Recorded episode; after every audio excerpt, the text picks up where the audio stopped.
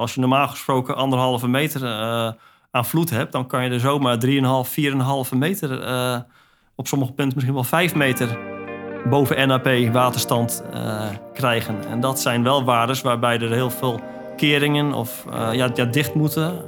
denk aan de Maaslandkering, de stormvloedkering, waarbij er ook dijkbewaking moet worden ingesteld.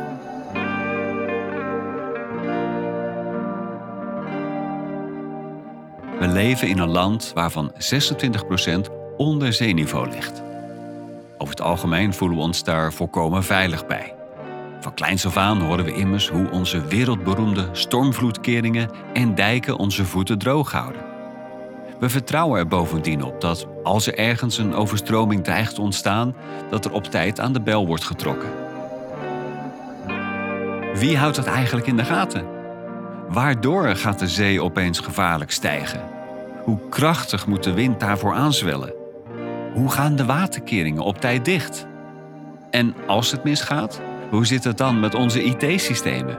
Kunnen cybercriminelen van zo'n situatie misbruik maken en de boel hacken? Mijn naam is Jim Stolzen. Je luistert naar de podcast Werken voor Nederland. Seizoen 1, de nieuwe dijkbewakers. Dit is aflevering 1, de grootste storm ooit.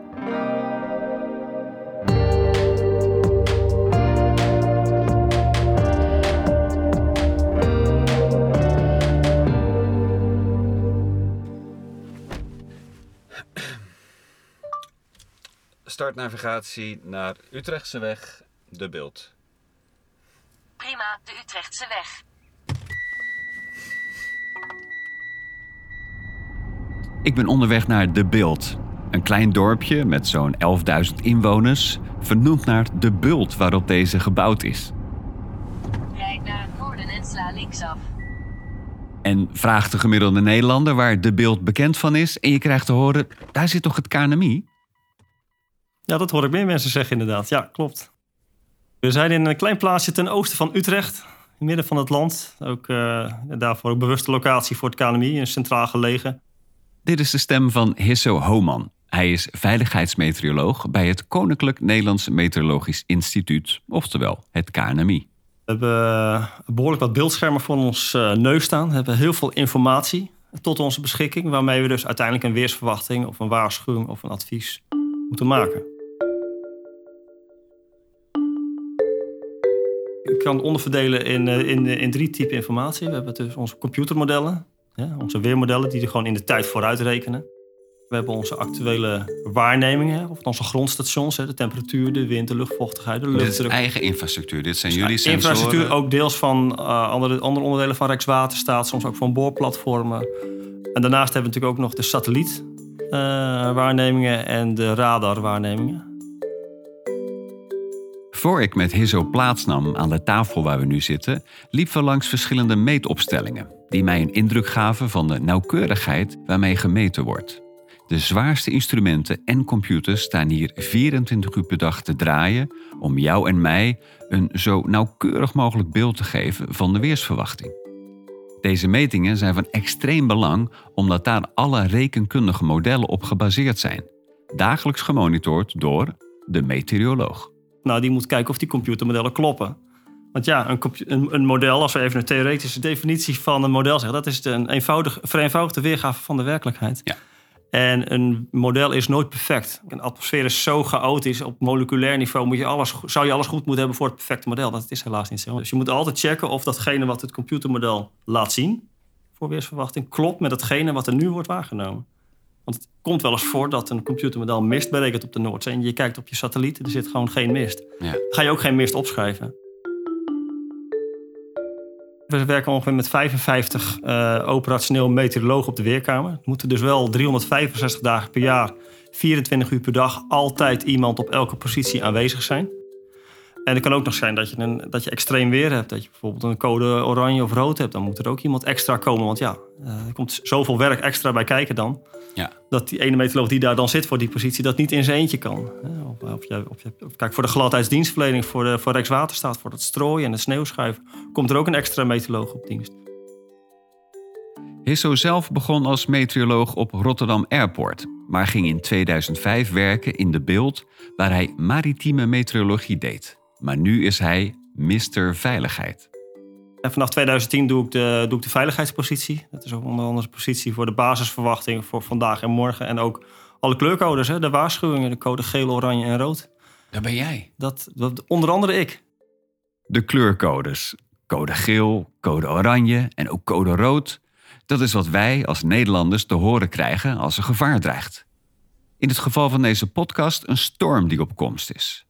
Wij willen ontdekken hoe goed Nederland nou echt voorbereid is op een storm en wie de mensen zijn die dan achter de knoppen zitten. Wat doet een architect bij het KNMI op dit moment? Springt de cybersecurity specialist van het NCSC al in zijn busje? En hoe warm krijgt een developer bij de Maaslandkering het nu? Een fictieve casus, maar een scenario dat vooral in de toekomst zeker niet ondenkbaar is.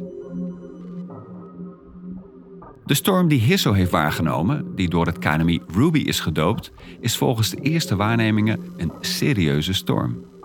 Eigenlijk een storm uh, van een kaliber wat we eigenlijk de laatste decennia niet, uh, niet veel hebben gezien. Uh, je kunt het eigenlijk wel een beetje vergelijken met die van 1953, ook uit een, uit een noordwest of een noord-noordwest richting. Een hele ongunstige richting voor, voor Nederland, omdat dan al het water uit de Noordzee richting onze Nederlandse kust wordt gewaaid met een hele hoge waterstanden waarschijnlijk. Uh, de naam Ruby hebben we eraan gegeven ook voor de naamsbekendheid. Dat, dat blijft beter hangen bij de mensen. Die naamgeving doen we samen met de Engelse en de Ierse Weerdienst. voor Noordwest-Europa eh, bepalen we dan elk jaar een nieuw rijtje namen, zodat het gewoon ook goed communiceert. Want enerzijds heb je de weerwaarschuwing, anderzijds het moet ook wel bij de mensen binnenkomen. En als je zegt over een storm, dat, dat blijft minder hangen dan als je het over Storm Ruby hebt. Storm Ruby, of Eunice of Corrie. Een slimme communicatietool waardoor makkelijker gerefereerd kan worden naar een dreiging. Bedenk zelf maar hoeveel beter Hurricane Katrina is blijven hangen versus het alternatief, die ene wervelstorm die over New Orleans trok. Nou, in ons geval kiezen Hizzo en zijn internationale collega's dus om naam Ruby op deze storm te plakken. Je zit nu bij Schotland en hij komt uh, zo langzaam richting het zuidoosten, richting uh, de Duitse bocht gezakt. En die gaat voor ons gaat hij gewoon echt wel uh, ja, A, voor heel veel windzorg, maar ook B, voor, heel, voor hele hoge waterstanden langs, langs de Nederlandse kust. Daar vooruit zit ook heel veel regen, dus er komt ook heel veel regen vanuit Duitsland en België en Frankrijk ons land binnen via de Maas en de Rijn. Dus van de andere kant komt dus ook nog heel veel water. Dus we hebben A, heel veel water uit de rivieren. En B, heel veel water vanuit, vanaf de Noordzee die tegen onze Nederlandse kust op gaat stuwen. En dat gaat uh, toch wel voor wat uitdagingen zorgen voor Nederland. Uh, ja. Ook een aantal dreigingen. Naast alle schade die een storm als deze aan kan richten, is er nog een grotere bedreiging voor Nederland, namelijk de stijgende waterstand. Nou, normaal gesproken heb je natuurlijk eb en vloed, dat weet je van al jaren van tevoren. Maar er komt natuurlijk datgene wat de wind veroorzaakt nog eens een keer bij. Er kan zomaar 2, 3 meter extra bovenop op de eb en vloed bijkomen. Dus als je normaal gesproken anderhalve meter uh, aan vloed hebt, dan kan je er zomaar 3,5, 4,5 meter, uh, op sommige punten misschien wel 5 meter boven NAP waterstand uh, krijgen. En dat zijn wel waardes waarbij er heel veel keringen of ja, ja, dicht moeten. denk aan de Maaslandkering, de stormvloedkering, waarbij er ook dijkbewaking moet worden ingesteld. En daar is Rijkswaterstaat door het Watermanagementcentrum al ook wel heel erg druk mee bezig. Die krijgt ook de informatie van het KNMI. We werken daar ook heel nauw mee samen. Om daar gewoon ook heel goed uh, ja, detail in aan te brengen. Hoe hoog worden die waterstanden precies? Wat zijn de onzekerheden? En welke acties moeten we ondernemen? Dus we werken als KNMI hierin niet alleen. Maar er zijn dus heel veel instanties die nu bezig zijn met deze Storm Ruby. Het KNMI zegt dat de storm die over drie dagen aan land komt... mogelijk de grootste van deze eeuw kan worden. Ze waarschuwen dat hoge waterstanden gevaar kunnen opleveren. Mogelijk stijgt het water plaatselijk 4 of 5 meter vanwege de storm. Die komt via Engeland ons land binnen. Hoe laat is nog niet duidelijk.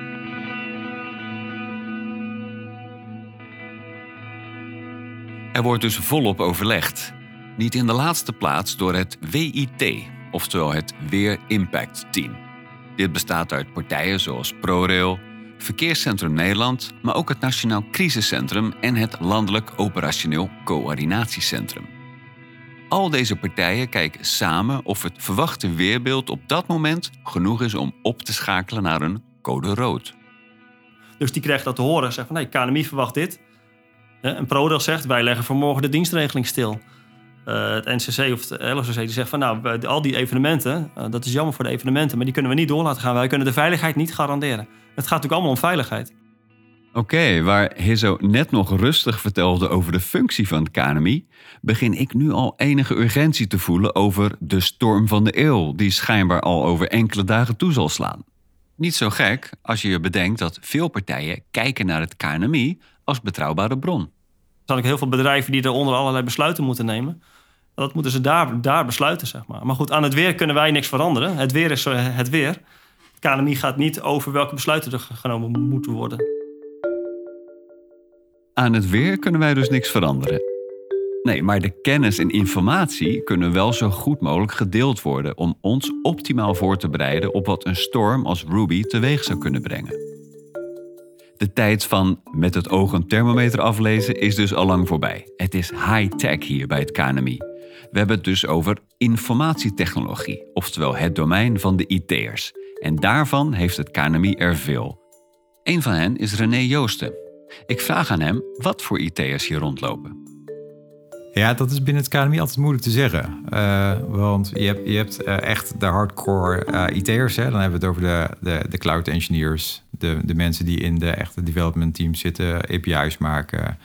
onze nieuwe frontend maken voor de, de meteorologen. Maar dan hebben we ook nog eigenlijk een soort nou, schild eromheen. We noemen dat binnen het KNMI onderzoekers. Maar als je het een beetje natte vingers zou doen... dan zou je al snel op de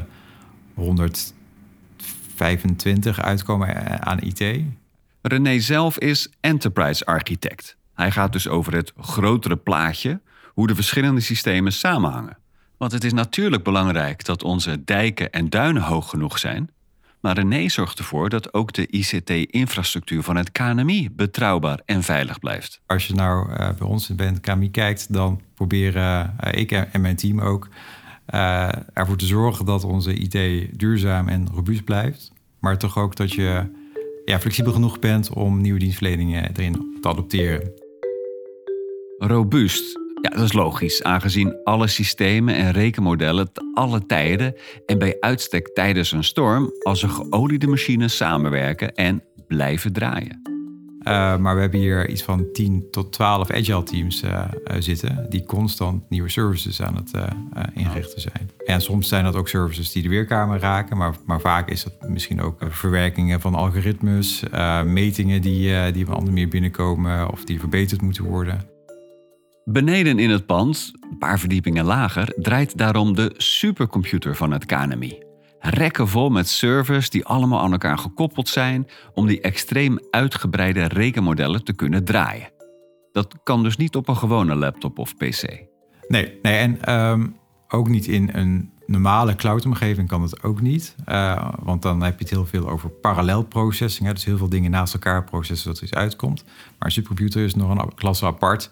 En dan, daar zitten heel veel connecties tussen alle stukken infrastructuur. Om ervoor te zorgen dat je nog sneller en, en in harmonie samen... het model heet trouwens ook harmonie... Hm. Uh, ja, een, een model eruit krijgt.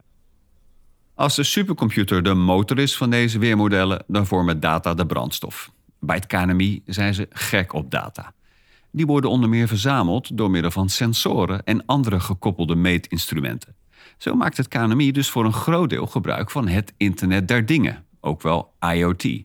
Veel pionieren hier dus, ook in de software. We doen heel veel in-house. Dus dit, dat doen we ook in-house. We doen het wel met een partner. Uh, die een deel van de uh, software voor ons uh, aanlevert en, en mee ontwikkelt. Want die software is er nog niet. maar ja, we hebben altijd wel, over, eigenlijk over ons hele landschap, zijn we zelf in controle. Als ik een weerstation op mijn dak heb, kan ik dat niet bij jullie uh, inpluggen? Dat kan zeker. Oh wel? Uh, leuk ook. Mijn pa doet het ook. die, um, we hebben een, een website, even pluggen, www.knmi.nl. Dan kun je met, nou, het moet wel een beetje oké okay weerstation zijn. Als je iets voor, voor een tientje ergens vandaan trekt, dan, ja. dan weet ik niet of je dat kan, kan integreren. Maar als je dan gewoon een API-key van ons krijgt, dan kun je gewoon de data elke vijf minuten uploaden. En wij zijn nu toevallig deze week bezig met een project om dat ook visueel te krijgen in de, in de weerkamer. We zijn inmiddels in het stadium dat de meteorologen een dreiging hebben gedetecteerd onder de naam Ruby. Een storm die door Hisso en zijn collega's nauwlettend in de gaten wordt gehouden. Niet in de laatste plaats omdat het waterstandsmodel inmiddels ook rode lampjes laat zien. René lijkt echter de rust zelf te blijven. Nou, nou ehm, er, gebeuren een, paar dingen denk ik, in, in het IT-landschap. Eén, uh, weten wij omdat we met een, uh, nou, een hogere uh, code te maken hebben... dat we altijd iemand paraat moeten hebben in de weerkamer. Noemen je de procesbewakers. als er iets fout gaat, dan kun je in ieder geval altijd naar die persoon... om te kijken van een soort, soort eerste lijns is dat. Hè? Want dat, dat moet je altijd in hebben, geregeld hebben. Maar eigenlijk... Um, zou het business as usual moeten zijn. De, de software draait zoals die zou moeten draaien. Uh, alle services zijn ingericht. Uh, we hebben het ook zo ingericht dat alles uh, met enorme failovers, robuust cloud, multidatacenter werkt. Dubbel uitgevoerd. Ja, ja dus, dus we, het is natuurlijk even spannend, hè? want als, er, als er iets misgaat, wil je niet dat het op die dag misgaat. Uh, en uh, je merkt ook wel op sommige niveaus dat er iets verhoogde activiteit is. Hè. Uh, we worden wel eens geprobeerd onderuit geschoffeld te worden op knmi.nl, onze website. Ja. Juist als het code oranje of code rood is. Hè, ja. Dat vinden ja, andere partijen. Het wordt veel drukker op de servers. Ja, ja precies. En, en, je merkt gewoon dat, dat daar security risico's ook bij, bij spelen. Maar dat hebben we in principe ook zo schaalbaar ingericht dat, dat je daar geen centje pijn van voelt. Academy heeft al, denk ik, 40, 50 jaar 24-7 software draaien. Dus hier lopen en uh, hele ervaren mensen rond die dit, die dit vaker uh, doen natuurlijk. En teams en zeker de nieuwere cloud engineers. Ja, voor hun is dat geen, geen moeilijkheid meer. Hè? Software 24-7 live houden, dat, dat zit zo in de genen tegenwoordig. en, en het zit zo in de manier hoe jij software opzet. Robuust met, met andere services uh, die, die weer opkomen zodra uh, er iets uh, omvalt. Mm. Je, je, moet gewoon weten wat, wat er aan is te komen vanuit, vanuit de mediahoek. om, om ervoor te zorgen dat je droge voedsel krijgt. Maar niet alleen op de korte termijn is dat belangrijk. Ook de klimaatdiscussies die natuurlijk meer en meer spelen. KNMI is er al 20, 30 jaar mee bezig om, om nou, nog langer denk ik, om die boodschap ja, uit te brengen. En, en daar zijn onze modellen die we daarvoor hebben ook leading. Hè? Om ervoor te zorgen dat je weet dat je over nou, 50 jaar nog steeds droge voeten hebt als je in Zandvoort woont of, of waar dan ook. Dus ja, ik zit, denk wel dat daar een trots in zit. En dat is ook een reden dat heel veel mensen bij ons werken hoor. Eh, juist omdat ze het belangrijk vinden om daaraan bij te dragen.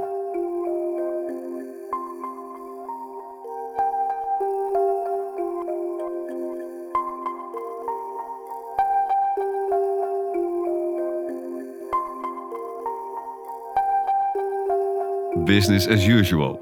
Aan de meetkant klinkt het ondanks de waarschuwing alsof alles nog onder controle is. Maar als de grootste storm in tijden eraan zit te komen, hoe staat het er dan voor in de rest van het land? Hoe wordt daar gereageerd? Wat kunnen de IT'ers van Nederland doen tegen een zee die meer dan 4 meter hoog op ons afkomt?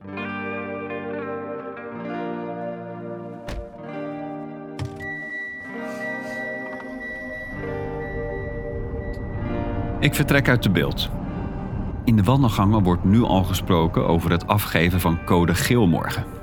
Iedereen staat op scherp. In de volgende aflevering gaan we naar de waterkamer van Rijkswaterstaat in Lelystad. Komt storm Ruby dichterbij en horen we of de Rotterdammers natte voeten krijgen.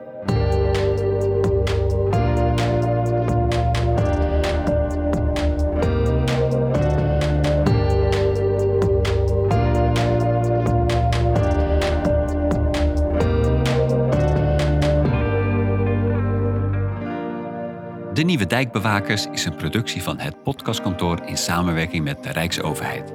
Presentatie wordt gedaan door mij, Jim Stolze, en de muziek die je hoort is gemaakt door Emiel Landman. In deze podcastserie komen IT'ers aan het woord die werken bij de Rijksorganisaties het KNMI, Rijkswaterstaat, het NCSC, het LOCC, DICTU en RVO. Vond je dit een leuke aflevering? Abonneer je dan op de podcast en laat vooral even een review achter, zodat we beter vindbaar worden voor nieuwe luisteraars. En wil jij je IT-skills inzetten voor Nederland? Ga dan naar werkenvoornederland.nl/ict.